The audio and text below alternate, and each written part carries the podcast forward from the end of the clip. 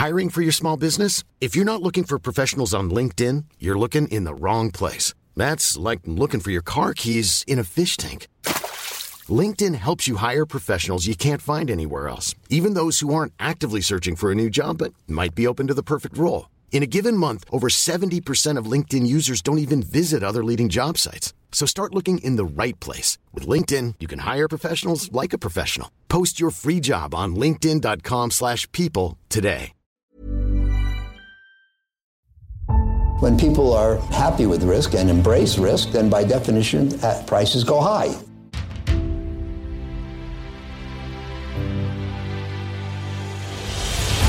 When the cycle turns down, they generally sell at prices that are far too low. This is not about getting more information. We live in a world where we have too much data. I'm uh, happy to report another stable quarter. Hallå och välkomna till dagens avsnitt av Aktiesnack. Det här är en podd som görs av och i samarbete med Kalkyl. Och idag så har vi med oss Johan Thorén. Och Johan har arbetat i finansmarknaden sedan 1987 och har minst sagt en gedigen bakgrund av analys, förvaltning och mäkleri. Mellan 98 och 2004 arbetade Johan som förvaltare på Catella kapitalförvaltning och efter det så var han med och grundade Strand kapitalförvaltning. Så varmt välkommen Johan! Tack så mycket! Trevligt att vara här! Johan har varit operativt aktiv på Strand kapitalförvaltning sedan 2004 som förvaltningschef och vice VD. I förvaltningsarbetet är Johan sedan många år specialiserad på att analysera mindre bolag varpå han också förvaltar Strand småbolagsfond som just nu har ungefär 700 miljoner i förvaltat kapital. Vi kan väl börja med hur allt startade för dig Johan. Hur kommer det sig att du hamnade i finansbranschen och vad fick dig att specialisera dig på just kapitalförvaltning? Ja, det det föll sig ganska naturligt. Jag är väl den klassiska aktienörden från tonåren där jag var väldigt intresserad av, eh, av aktier det, och försökte skaffa mig så mycket information det gick på den tiden. Lite svårare då än nu skulle jag vilja säga. Det fanns inga poddar att lyssna på direkt. eh, utan eh, med lite tur och ett eh, ja, kanske överdrivet självförtroende så gick jag runt till mäklarfirmor och sa att här vill jag ju jobba. Och då eh, var det att jag var redan, gick i gymnasiet så att jag var inte färdig. Men med eh, eh, lite tur så fick jag ett arbete som analytikerassistent. Och det var eh, lagom till att jag skulle börja trean i gymnasiet. Och, och då var det, sa den banken att eh, du måste jobba här halvtid. Det är det minimum med en eh, tillmötesgående gymnasieskola så delade jag upp sista året eh, på ekonomlinjen på två år. Så att då kom jag in i branschen. Och du, du har gjort lite av en resa som förmodligen många drömmer om att du har gått ända därifrån till att du nu har ditt egna strandkapital som du varit med och grundat. Ja. Hur gick den resan till? Var det liksom var det svårt att jobba igenom det och våga ta steget att köra själv? Nej, jag har nog haft det som målbild hela tiden att arbeta med förvaltning. Men jag förstod väldigt tidigt att om jag ska göra det på ett bra sätt och framgångsrikt så behöver jag kompetensen från analys och jag behöver också ha en kunskap i hur marknaden mera fungerar, handeln. Och jag hade när en dröm också att prova på aktiemäkleriet i den allmänna yuppie-eran som var på den tiden. Eh, så att jag började som analytikerassistent assistent. Sen eh, när jag var klar i gymnasiet så pluggade jag ju förstås på universitetet, eh, ekonomi. Men inriktning finans och psykologi. Just för att psykologi är otroligt viktigt som ni vet i aktiemarknaden. Jag tycker att väldigt många missar det när man funderar på sin utbildning. Tänk om vi hade haft en riksbank som var mera kompetent när det gäller psykologi än vad den är idag. Det tror jag hade varit strålande bra. Det håller jag med om. Vad skulle du säga är de eh, mest påtagliga förändringarna förutom det du pratade om, om eh, informationsflödet? Att det, det går mycket snabbare idag, man har tillgång till mycket mer information idag. Men i och med att du har varit i marknaden väldigt länge, vad skulle du säga är de största skillnaderna från att du började i finansbranschen fram till idag? Att marknaden nu har blivit mogen sedan ett antal år tillbaka, tack och lov. För att för länge sedan så var det mera en form av vilda västern skulle jag vilja säga. Och eh, vad menar jag med det? Jo, det fanns väldigt lite regler runt vad var en insideraffär, eh, hur kunde man hantera alla möjliga situationer.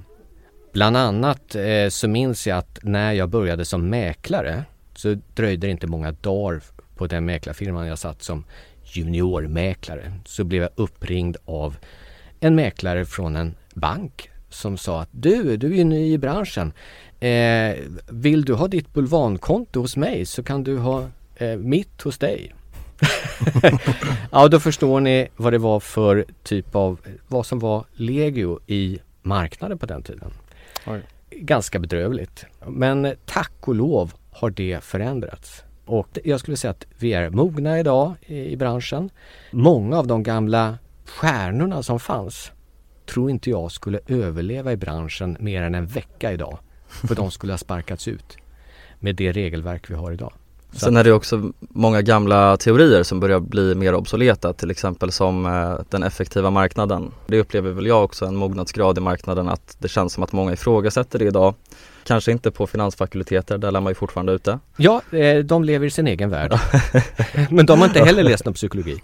Men det är intressant det med psykologi och eh, med makro också, som du var inne på ja. lite. Hur, hur ser du de sammanlänkas och hur går din tanke kring den biten idag där makro har väldigt stort fokus nu de senaste månaderna, halvåret. Mm. Makro är väldigt centralt tycker vi i vår förvaltning på Strand. Eh, men ska vi vara krassa, om man tittar på förvaltarorganisationer rakt över, ta vilken fond som helst, så är den, om det är en aktiefond, regulatoriskt är de tvingade till att vara i praktiken fullinvesterade hela tiden. Så vad kan de göra makromässigt mer än att ha fulla segel konstant? Jo, de kan eh, göra justeringar på marginalen om vilka sektorer de har mera exponering mot än andra. Men i övrigt så kan de liksom inte påverka eh, sin förvaltning utifrån hur konjunkturen utvecklas och, eller makrosituationen. Eh, man kan minska hur mycket fastigheter man har och öka bank istället. Ja, men det, det blir på marginalen en förändring. Va? De är ändå tvingade att vara fullinvesterade för så säger reglementet. Vi skulle aldrig vilja arbeta på det viset. För att vi vill kunna, vi är allokerare, vi vill kunna anpassa, jag tar seglartermer här, anpassa den segelyta man hissar upp på båten beroende på vad är det för väderförhållanden. Precis samma sak. Hur ser konjunktur, hur ser makro ut? Vad ska vi ha för aktievikt i rådande stund? Det här diskuterar vi dagligen och trimmar vårt segel. Och du kan säga, vad gör ni då om ni är negativa? Ja, men då drar vi ner aktievikten. Vi tar betalt huvudsakligen av våra kunder beroende på hur det går för deras utveckling. Det är det som skiljer egentligen i, i det här sättet att antingen har man en produkt, en fond som man vill ska bli så stor som det någonsin går. Det spelar inte så stor roll däremot hur den utvecklas för att det påverkar inte intjäningen för den banken utan det viktiga är att fonden är så stor som någonsin går. För då får man in den fasta avgiften. Men vi tar ju då betalt utifrån hur det går i avkastningsmässigt huvudsakligen. Och det innebär att vårt intresse ligger i att tror inte vi makromässigt på marknaden just nu, då vore ju vi ju dumma i huvudet om vi hade full vikt i aktieportföljerna. Det, det låter lite som uh, Buffett och Munger med, med, Berkshire Hathaway också. Ja. Och för inte så länge sedan så hamnade vi också på en fika tillsammans och då berättade du också om just incitamentstrukturen på Strand kapitalförvaltning. Och det blev jag ju väldigt såld på. Kan du berätta lite mer om det här? Ja men vad roligt. Ja, när vi startade Strand eh, då jobbade jag och två kollegor på en annan firma som var eh, toppklassade i marknaden. Och vi hade redan då varit många år i branschen på olika firmer.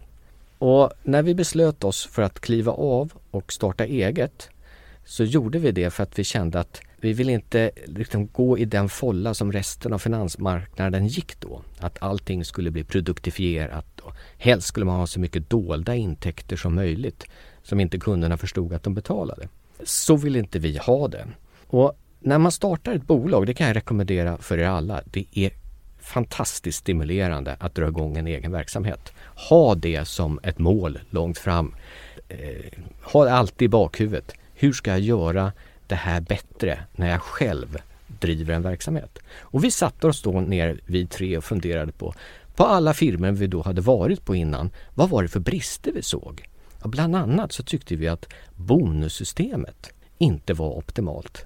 Bonus styr ju jättemycket av en mäklares eh, intjäning och eh, den kulturen som eh, då var runt mäklarbord tyckte inte vi var den som vi ville ha på Strand.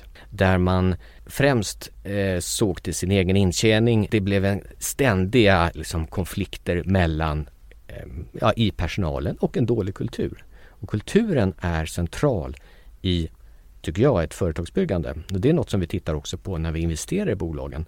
Vad har de för kultur i det här? Så där beslöt vi att vi ska som en av våra hörnstenar ha att vi har inte något bonussystem utan istället ska alla på firman vara delägare.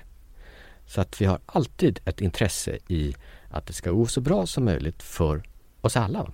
Och det där är ganska spännande för vi pratade lite innan om att marknaden har blivit bättre på många sätt och mer mogen på många sätt. Men just den incitamentstrukturen bakom förvaltning där man egentligen premieras för, som du sa, storleken, alltså asset under management och att man har en fast fee på den helt enkelt. Det har ju faktiskt inte förändrats så mycket. Det känns som att det fortfarande är det som är standard. Alltså det, det, är väldigt intressant tycker jag att ni faktiskt har gått en annan väg och det primära där blir väl också att ni skapar incitament för er själva också att det ska faktiskt presteras bäst snarare än att ni ska bygga den största möjliga fonden. Ja vi fick ju väldigt många konst, eh, liksom, eh, marknaden tyckte att vi var eh, minst sagt suspekta när vi startade Strand för att va? varför vill ni ta betalt först när det går bra? Varför ska, ska ni göra en affärsmodell där vill ni måste prestera? Nej, visst. Eh, eh, plus att då så sa vi, eh, för då fanns det ju jättemycket att man fick kickback och så vidare och då hade vi inskrivet att vi får aldrig ha någon intäkt som vi inte fakturerat kunden. Så att allt sånt studsar tillbaka till kunden istället. Eh, och nu med Mifid 2 och så vidare sedan några år tillbaka så är det äntligen borttaget med de här kickback-finansieringarna. Men det var ju något som genomsyrade hela branschen och eh, man levde gott på det. Eh, så att man eh, tyckte väl att vi var väldigt konstiga som inte tog emot de pengarna och dessutom synliggjorde hur systemet fungerade. Så att eh, vi, vi ansågs väl vara några former av svikare. Buffett har ju många gånger sagt tidigare att han är en bättre investerare för att han är en businessman och vice versa. Jag tänkte att du är ju både entreprenör och investerare. Skulle du säga att det här har hjälpt dig då på båda fronter? Jag tänkte kanske ja. just den kulturella aspekten, att du förstår bolagsbygget på ett annat sätt i och med att du också är entreprenör. Det ligger nog någonting i det. Det finns ju en hel del analytiker som kan vara fantastiskt skickliga analytiker och eh, räknesnurror om jag uttrycker på det viset. Kanske lite personer, revisorsliknande som är otroligt duktiga på att räkna fram en eh, cashflow-analys och komma fram till ett värde siffermässigt på bolaget. Men som kanske inte har riktigt känslan för eh, risktagandet eller när ska man gå in och göra en investering i det hela. Eh, och det skulle jag ju egentligen se, gärna vilja se mera hos på analyssidor att man hade ett större affärs affärsdriv. Men det är som du säger, det är inte helt säkert att det är samma personlighetstyper i det här. Precis. Ja, men det kommer jag ihåg från när man var analytiker att det var mycket snack om det, kom bort från Excel-modellen och se liksom själva företaget du kollar på. Ja. För annars blir det enkelt att man bara man tror att det är den 54 raden i Excel-filen som är det viktiga men det viktiga är ju verkligen verksamheten ja. stort. Och, och, eh, det var någon gång jag fick frågan av, av en person att eh, eh, Eh, kan du tipsa någon, vi behöver en ny eh, chef för en analysavdelning på en av våra banker. Och då frågade de, har du något förslag på en analytiker som ska vara det? Nej, så jag, ni behöver ingen analytiker som ska driva analysavdelningen. Ni behöver en före detta eh, mäklare eller förvaltare. För att vad gör analytikerna? Jo, de ska ju prata med mäklarteamet och få dem att nappa på någon idé eller prata med de institutionella kunderna, det vill säga förvaltarna. Och vad, man ofta behöver då, det är någon som förstår hur ska det här eh, budskapet kommuniceras ut. Och där brister ofta tycker jag om man ser på firmorna runt om. Mm. Vill du berätta lite mer om vad en förvaltare gör i det dagliga arbetet? Alltså hur ser en typisk arbetsvecka ut för dig? Vår miljö är lite annorlunda än de flesta andras förvaltare för att vi är huvudsakligen diskretionära förvaltare mot separata portföljer. Privatpersoner, företag eller stiftelser. Det är eh, kanske 80% drygt av vår volym som vi förvaltar så är det enskilda uppdrag. De är individuella allihopa. Och det innebär att vi träffar de här kunderna eh, regelbundet. Jag skulle säga att eh, hälften av tiden är att man har kundkontakt och den andra delen av tiden går åt analys och diskussioner internt hur vi ska hantera portföljerna och vilket segelyta, vilken segelyta vi ska ha för tillfället beroende på makrot. Varje morgon så inleder vi då med eh, givetvis ett morgonmöte där vi går igenom dels makromässigt vad som har hänt. Det som skiljer oss också lite från andra det är att vi har två dedikerade ränteförvaltare hos oss. Och det där, ofta brukar det vara skilda världar, ränteförvaltare och aktieförvaltare. Men en ränteförvaltare gör ju egentligen också ett liknande jobb att analysera bolagen. Ska man våga investera i en sån här obligation? Så att i grunden är det samma jobb. Så att vi har ju de här mötena ihop, vilket är jättebra. Det skapar liksom en, en eh, korsbefruktning där. Om man kollar på er förvaltningsstrategi, vad är det för typ av bolag ni brukar kolla på? Har du kanske något exempel på något bolag eller någon sektor som du tror på just nu? Vi är ganska breda där skulle jag vilja säga men eh, vi tittar eh, huvudsakligen på lite mindre bolag. Dels eh, så alla stora bolag har ju varit mindre tidigare. Så att du kan ha, hittar du rätt bland de mindre så har du den största potentialen att hitta kursvinnare också. Plus att göra analysen på ett mindre bolag är extremt mycket enklare. Ska du analysera eh, Volvo så är det en väldigt, väldigt komplicerad organism, hela Volvo-koncernen.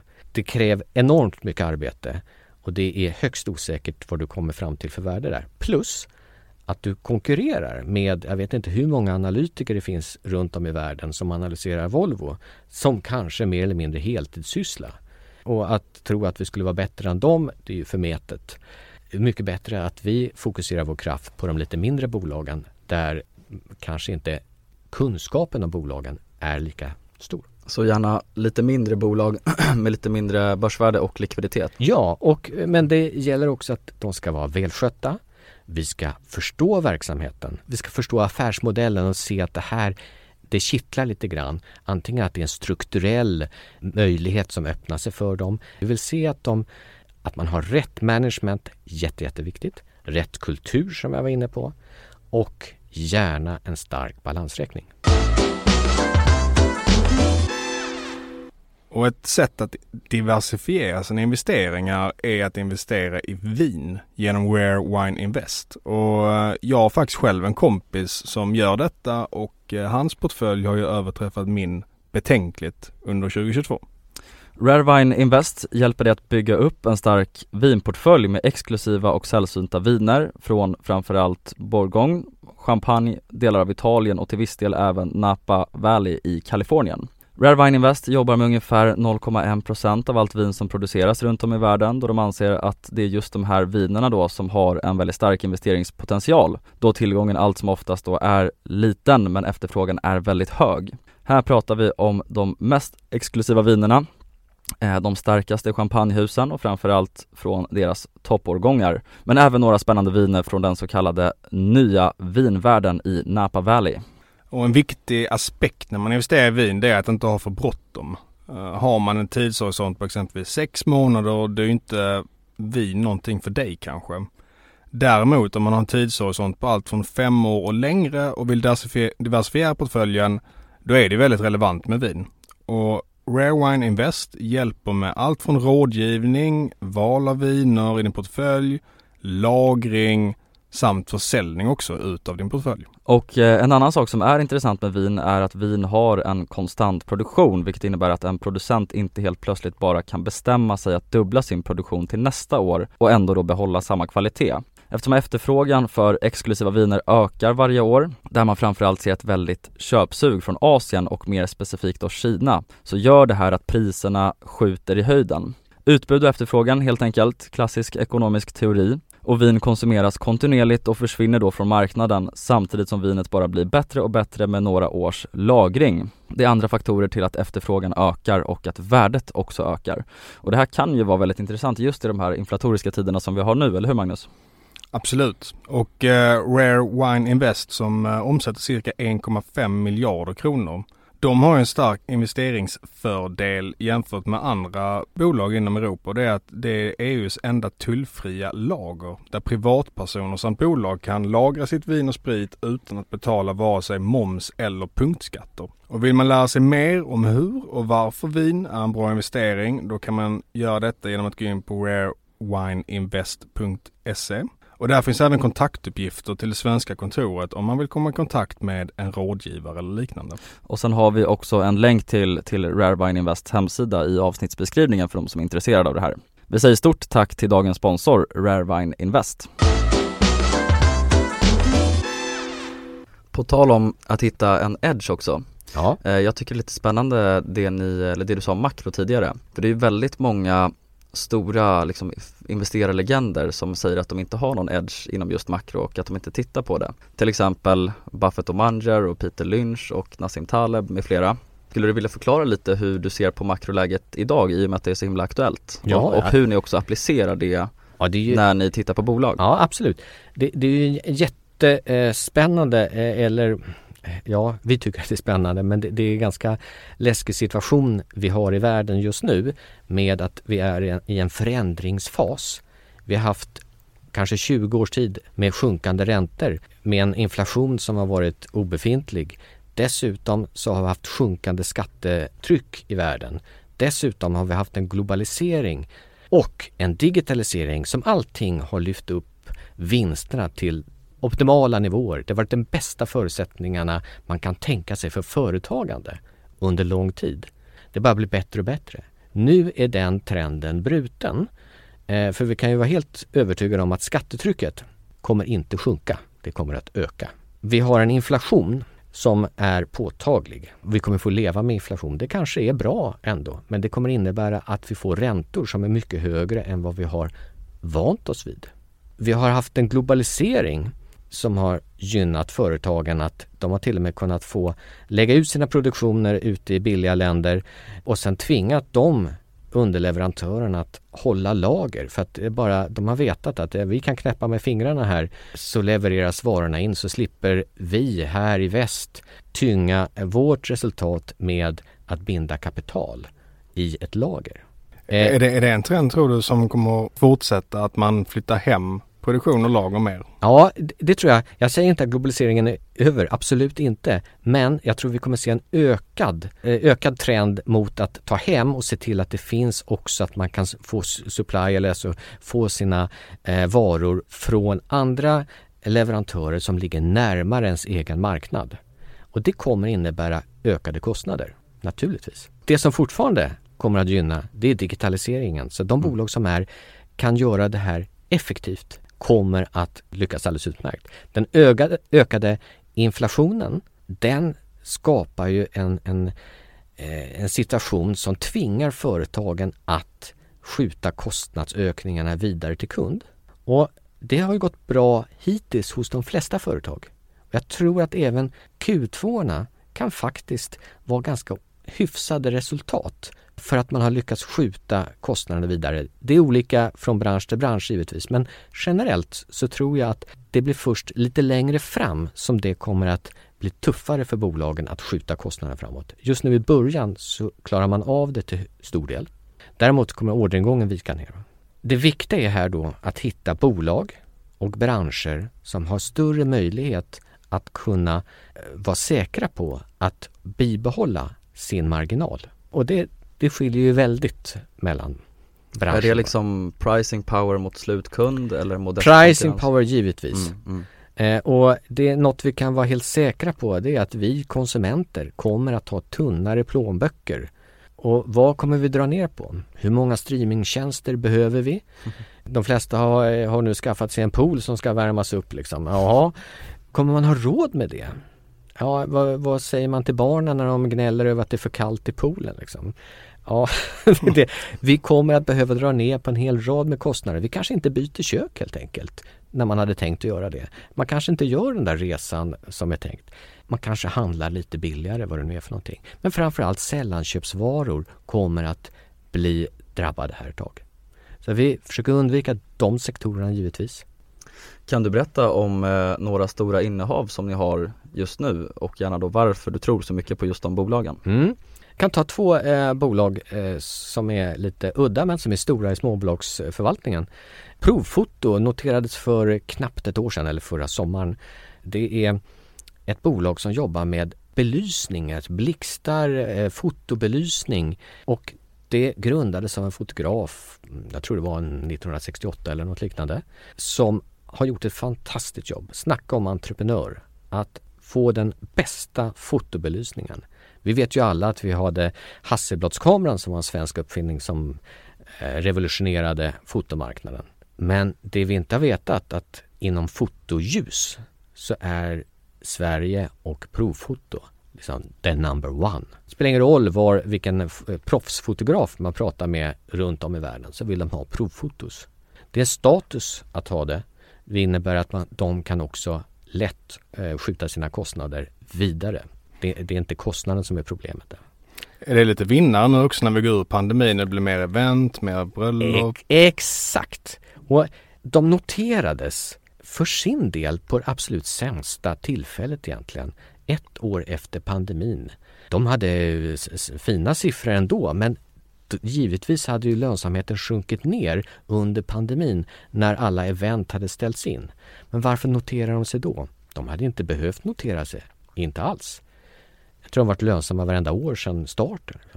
Jo, men det är att den eh, gamla grundaren är fortfarande i livet, vilket är ju trevligt. Men det finns en succession som ska göras längre fram och då är det lättare att kunna göra det ifall man är noterad. Och i och med också att konkurrenslandskapet verkade vara ganska modest som du sa att de är så tydlig etta så ja. tänker du att de har en viss pricing power också? Exakt. Och sen så då såg vi att ah, nu kan vi komma in väldigt billigt i bolaget just på grund av att deras lönsamhet hade gått ner naturligt under pandemin och nu börjar den då återhämta och den kommer ju återhämta väldigt mycket som ska tas igen. Det är bara att se på alla bröllop som varit ställda på hold i två års tid. Nu ska det komma igång världen över. Och du, du nämnde billigt där. Hur räknar ni på case? Är det multipelanalys eller diskonterade kassaflöden? Ja, eh, det är lite olika från bransch till bransch.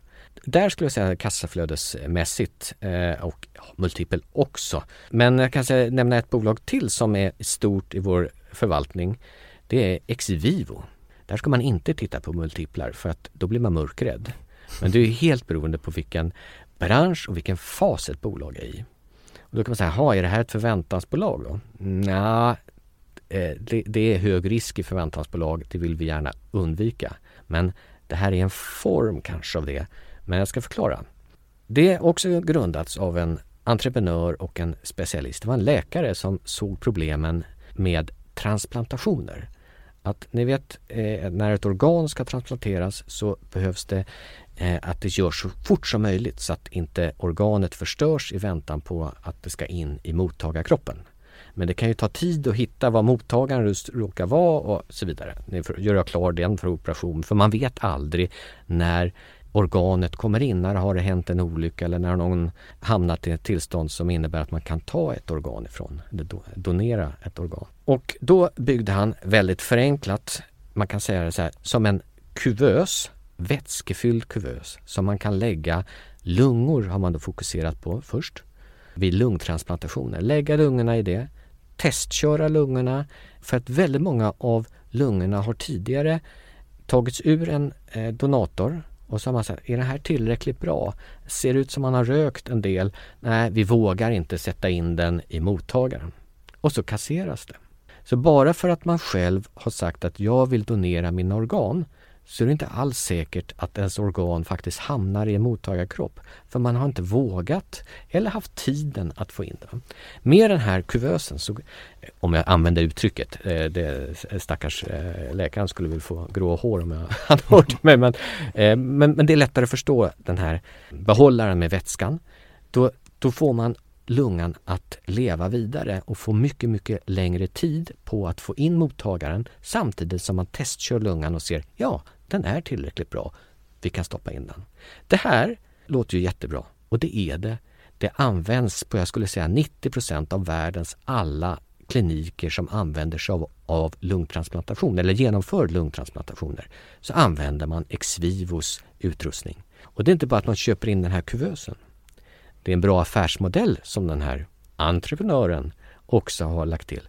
Man måste ha vätskan som byts hela tiden som lungan ligger i. Så att det är alltså en återkommande intäkt till Exvio. Vi räknar väl med att de kommer att ha en eh, försäljning eh, i år på kanske 400 miljoner eller något sånt där. Och ja, de är lönsamma. Men de lägger ju merparten av sina pengar på att utveckla den här tekniken till andra organ. Och det som står närmast på tur är hjärta.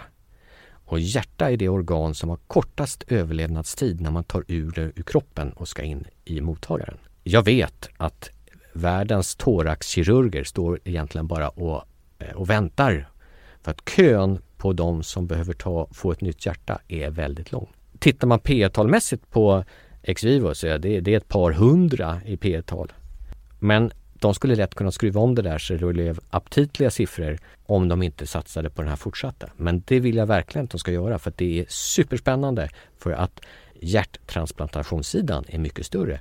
Någonting som annat är bra också att ofta är det just den kliniken som jobbar med transplantationer. Den klinik av lungor, den kliniken gör också andra organ som hjärtat till exempel. Så de är vana vid att ja, men ex vivos det funkar ju jättebra på lungor. Nu får vi möjligheten på hjärtan också. Det där känns som att du har inte en stor försäljningsorganisation som måste ut i hela världen och träffa tiotusentals läkare och försöka övertala dem. Nej, men det är de här ett antal hundra kliniker världen över som jobbar med transplantationer. Det är de man behöver bearbeta och det är inte så svårt när man redan finns där. Kunna göra lite mer merförsäljning helt enkelt. Exakt. Så att då kan de ha en slimmad säljorganisation och lägga mycket på R&D istället. Ja. Och det lät lite som att det var lite återkommande bland dina case här också att det var lite need to have snarare än nice to have att därav Ja. så finns det en pricing power och sen även Korrekt. då bra konkurrenslandskap och ett bra gap till närmsta konkurrent. Ja. Och man kan säga som jag sa, provfoten, nu har de ett antal år som de kommer att ha en extra boost efter pandemin. Jag tror att Exvivo kommer också ha det på lungsidan för att det har gjorts väldigt få lungtransplantationer senaste åren för att intensivvårdsavdelningarna har inte fått göra några transplantationer för att man har varit fokuserade på covid-patienter. Så att det finns en, en än större uppdämt behov av detta. Och förutom de här casen så äger ni också Twitter-snackisen Evolution. Jag vill ju minnas att du till och med har kallats för Evo-Johan på Twitter tidigare. Ja, det är inte omöjligt. Hur som helst, eh, det som sticker ut här är kanske inte att ni äger Evo men det är ju att ni har varit med sedan IPO faktiskt. Ja, det tycker jag är lite intressant för Evo blev väl populärt och började pratas mycket om för kanske två, tre år sedan. Men ni var med redan på IPO, så hur hittade ni egentligen Evolution från första början? vi träffar eh, väldigt många bolag som ska noteras och då går det till så att en, en mäklarfirma som eh, ska notera ett bolag kontaktar institutionella investerare så som oss. Så får vi titta på det, vi får komma med synpunkter och diskutera värdering och komma tillbaka till den firman och säga att det här bolaget kanske inte alls hör hemma på börsen eller att det kan vara jätteintressant. Vi tycker det ska vara värt si och så. Och så tar de in och så funderar de på att ja okej, bollar de med bolaget och så kommer de tillbaka. Okej, det blir notering. Vill ni eh, vara med och vara ankarinvesterare till exempel då i ett sådant bolag? Och då kommer vi, ja, vi kan vara med och garantera en viss del av emissionen. Eh, så vi var med väldigt tidigt i Evolution och det var eh, en kollega till mig som höll i det, så jag ska inte ta åt mig äran just det att vi kom in där från början. Men efter ja, kanske ett halvår eller något sådant så sa jag att jag vill eh, få bättre grepp på Evolution så att vi kunde få till en resa till Riga. Och det var, jag vet att det var jag och en förvaltare från Rubber som eh, åkte dit. Och det var en väldigt eh, intressant dag i Riga skulle jag vilja säga. eh, där klarnade det fullständigt för mig hur det här bolaget är unikt. Vilka enorma inträdesbarriärer det är. Väldigt ofta får man höra att det kan ju inte vara några inträdesbarriärer i den branschen. Nej, jag förstår ju att man drar den slutsatsen när man bara sitter och tittar på pappret på det här. Men om man tittar lite djupare och ser hur de har byggt upp det och hur det fungerar så får man en helt annan bild. Och den bilden har ju då visat sig också vara riktig. De är nummer ett. Inträdesbarriärerna är gigantiska. Och det finns inte ett incitament för andra spelbolag att försöka ta sig in där. Det är mycket bättre att använda sig av Evolution istället. Och de har gjort det här på ett fantastiskt bra och professionellt sätt. Jag är fylld av respekt för hela gänget på Evolution. Kan vi konstatera att det var bra return on investment på den där resan till Riga då? Eh, det kan man väl lugnt säga och eh, eh de, de har gjort splittar och annat men jag räknade om att jag, jag tror att vårt ingångsvärde är 18 kronor eller något sånt där. Och det Och nu står aktien är typ 1000 kronor kan vi tillägga. Ja, eh, och då kan man säga att eh, hade vi haft kvar alla aktier då hade ju det varit eh, fantastiskt bra. Men då hade vi tagit en alldeles för stor risk i portföljerna. Vi vill ha koncentrerade portföljer så att det kan ha ganska stora innehav men vi vill inte låta dem gå över 10% av en portfölj. Så vi har ju sålt och sålt hela tiden men vi har givetvis inte sålt hela innehavet utan vi har bara krympt ner det. Vilka är uh, inträdesbarriärerna för Revolution? De är många, men bland annat att kunna ha koll på att det inte sker bedrägeriförsök hos ett spelbolag så att det inte är att det är någon som räknar kort. Det här ska göras elektroniskt, eh, hela handeln. Det öppnar upp för en hel rad av, av eh, bedrägeriförsök. Den kontrollnivån som de har här, eh, den är minst sagt imponerande. Vi pratade lite om det tidigare, att mm. ni väver in makro i er bedömning av bolag och att ni även värderar bolag på både multipelanalys och DCF. Så om vi tar till exempel Evolution. Mm. Hur skulle ni värdera ett Evolution? Ja, där skulle jag ju säga att det gör, det, där gör vi det både och. Idag så tycker jag att eh, ja, men det värderas väl ungefär som Telia och jag skulle säga att Evolution är väl bättre i alla avseenden. Finns det någon annan som tycker något annat?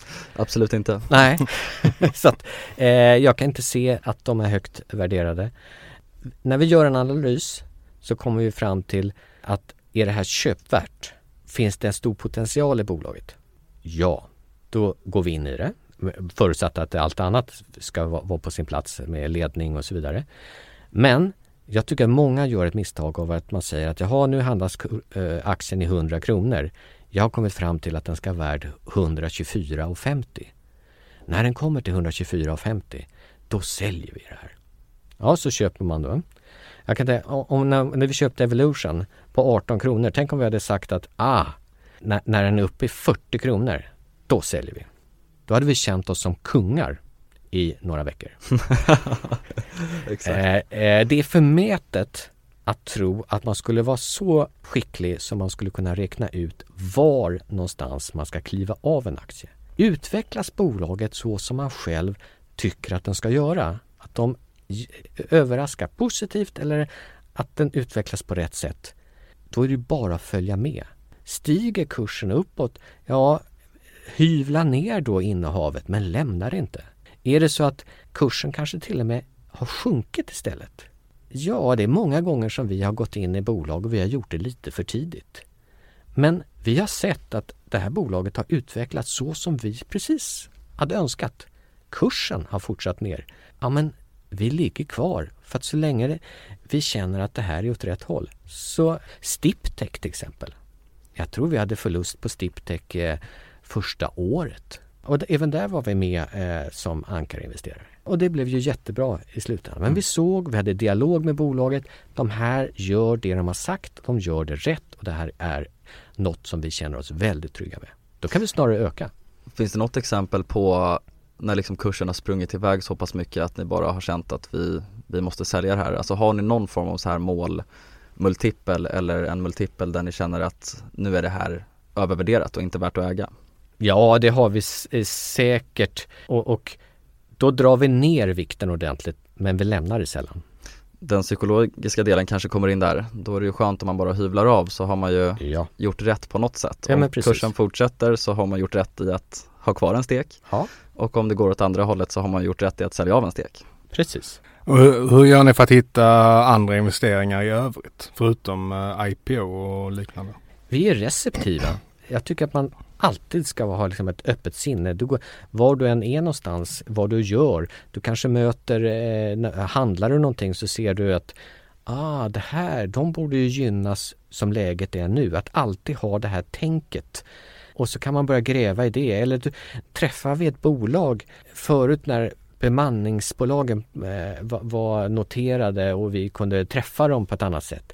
Även om de kanske inte var de mest intressanta investeringsobjekten så kunde det vara jättenyttigt att höra, åh, hur bemanningsmässigt, hur går det nu? Vilken bransch eftersöker mest eh, eh, eh personal just nu?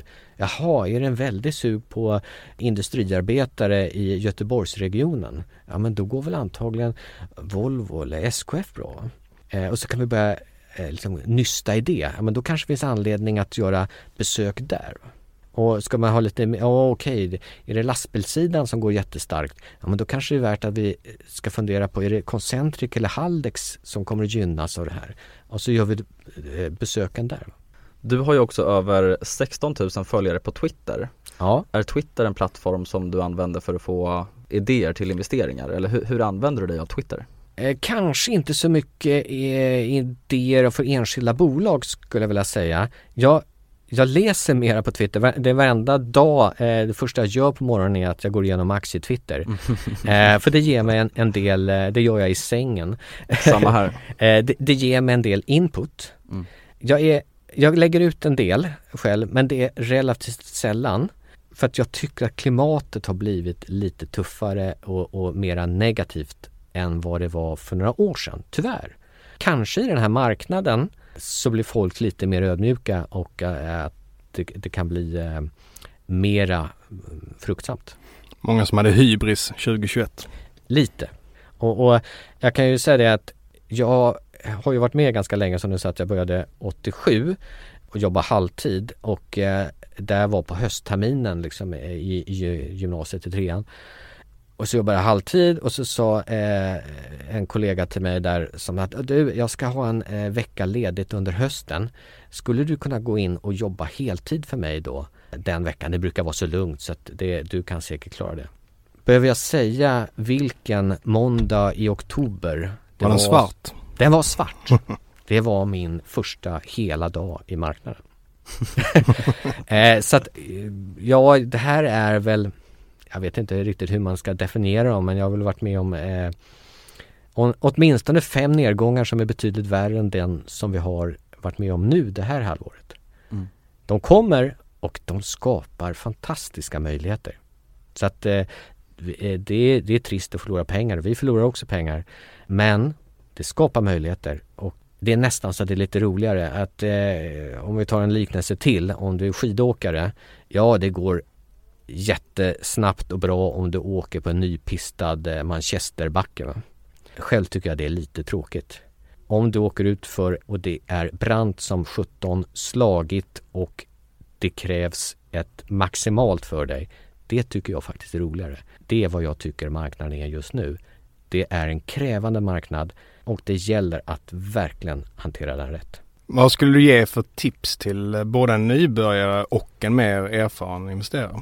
Ja, eh, då, om man har bränt sig här eh, lite grann eh, och är, är, funderar på att aktier kanske man ska skita i nu när man har sett att börsen kan gå ner under ett halvår eh, eller knappt det. Då säger jag att eh, nej, tvärtom lär av den här nedgången istället. För att eh, det kommer att komma uppgångar och det kommer komma nya nedgångar. Se till att vara bättre eh, förberedd i nästa nedgång.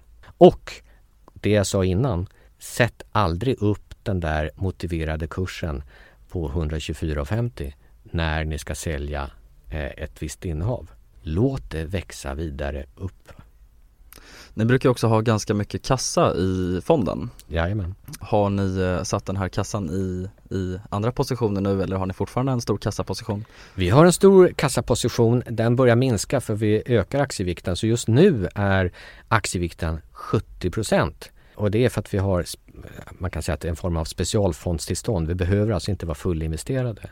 Så vi allokerar ju hela tiden. Något som skiljer sig också är att vi är månatligt handlade. Vi skulle aldrig, aldrig i en småbolagsfond vilja vara dagligt handlade. Det man frågar jag hade lite, hur, hur hanterar ni likviditeten om det Nej. blir eh, stora flöden med de här lite mindre bolagen? Ja, och det är ju jättesvårt om det skulle vara en dagligt handlad fond. Och dessutom en fond som är stor. Dels har vi satt att vår fond, eh, nu är som du sa, den är på drygt 700 miljoner. Den får aldrig bli större än en och en halv miljard. Då stängs den. För att där har vi gjort bedömningen, då blir den svår att hantera, även om den är månatligt handlad. För att vi vill ha ganska koncentrerat innehav. Vi vill kanske ha en 20-25 innehav. Det är vad vi klarar av att ha koll på. Jag brukar säga att jag är grymt imponerad över mina branschkollegor som kan ha över 100 innehav i sina fonder och ha koll på dem. Jag, jag, jag bara tar av mig hatten. Men kassa kan man ju också betrakta lite som en garanterad eh, förlust under ett väldigt inflatoriskt läge. Ja. Så ska man också ställa kassa i allt, alltså titta på alternativkostnaden till kassa såklart. Mm. Så att det kan ju hända att andra finansiella tillgångar ändå går sämre än Mm. vad kassa gör. Men jag tycker det är lite spännande att ni har just så pass stor kassaposition än idag fast marknaden Mm. har droppat så här mycket. Mm. Ligger ni någonsin fullinvesterade? Aldrig. Varför inte då? Är vi tokhåsade, det är sällan ska jag säga, men är vi tokhåsade då kanske vi ligger med 90% eh, aktier. Och då ska du komma ihåg att en aktiefond som är tokbäsad får som allra, allra eh, minst ha 90% aktier. Så det, det vi skiljer oss, att jämföra oss liksom riskmässigt är ju extremt svårt. Det går inte. Vi har en väldigt, väldigt mycket lägre risk och man kan se oss som en blandfond egentligen. Hur skulle du definiera risk? Eh, risk är ju egentligen en rörelse utifrån hur stor eh, variation det är i värdet på en portfölj. Så risk på värdet på bolagen snarare än priset på aktierna eller tänker du ren volatilitet? Alltså Ja, faktiskt jag, är... jag tänker ju egentligen då risk på utifrån i fonden eh, som helhet. Att har vi som nu då eh, 70% aktier så har vi ju en betydligt lägre slagighet än vad en fond har som har 100% aktier. Å andra Ja. sidan kanske den består av i sin tur 100 bolag och vi har bara 25 så vi har större så kallad bolagsrisk givetvis. Så där kan vi ju få en större slagighet men å andra sidan så har vi lättare att ha koll på det. Och hittar vi ett bolag som eh, vi ser att ah, den investerar vi och så stiger den 50 Det vill vi ju ska ge avtryck i fondavkastningen. Har du 100 innehav som är vardera 1% i storlek och du gör samma fynd, ja men grattis, fonden har gått upp en halv procent, det var ju roligt. Hur förvaltar du ditt eh, privata kapital? Huvudsakligen i Strands eh, fonder. Och det är småbolagsfonden, sen har vi en obligationsfond också, eh, företagsobligationsfond. Samt en fond som heter Strand förmögenhetsfond, som är en blandfond. Så att du har skin in the game som man säger? Absolut. Eh, jag har kanske två eh, eller tre enskilda innehav också. Något onoterat och så vidare. Som. Men eh, Och sen den har du- stora majoriteten absolut ligger i våra fonder. Och du har ju också en stor del av ditt privata kapital antar jag i Strand som bolag, Absolut. inte bara i fonderna? Ja, Absolut. Precis. Om vi ska ta en avslutande fråga. Vad tror du krävs för att man ska bli en framgångsrik investerare? Jag tror att det krävs att man också har lite distans. Så att man inte blir för, för smal. För att vissa perioder så går det sämre än andra. Och då ska inte det påverka dig för mycket. För då kommer du göra sämre affärer. Jag vet, eh, jag känner ju många som har eh, klivit av sina jobb för att bli daytraders eller så vidare. Vi har ju en här också som har gjort det. Ja. eh, Jag är inte så smal dock.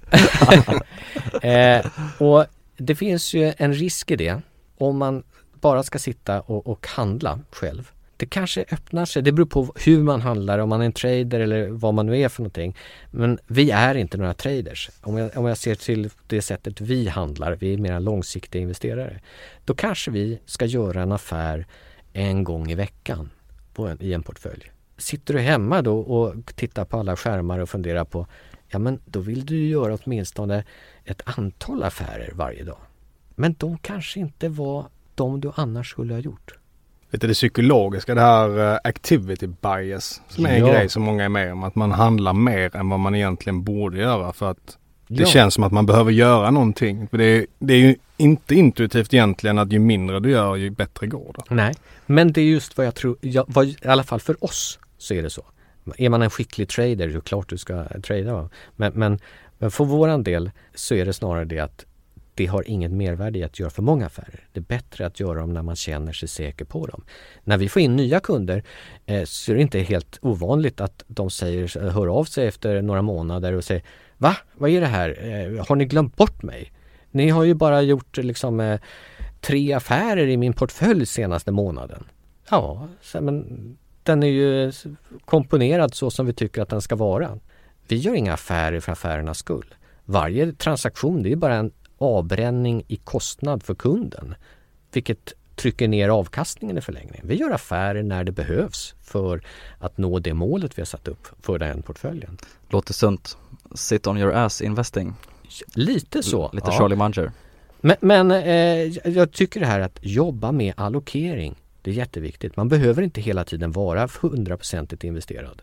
Ha lite is i magen också helt enkelt. Ja, för att det är mycket lättare att ha guts, att våga agera i en tuff marknad ifall du har lite torrt krut. Med de kloka orden så får vi tacka Johan jättemycket för att du kom idag. Mycket intressant att lyssna på och eh, till er där hemma så hörs vi igen nästa vecka. Stort tack Johan, det var väldigt givande tycker jag. Jag kommer ta med mig jättemycket härifrån. Tack så mycket, väldigt kul att få vara med. Ha det så gott. Ha det, ha det fint allihopa.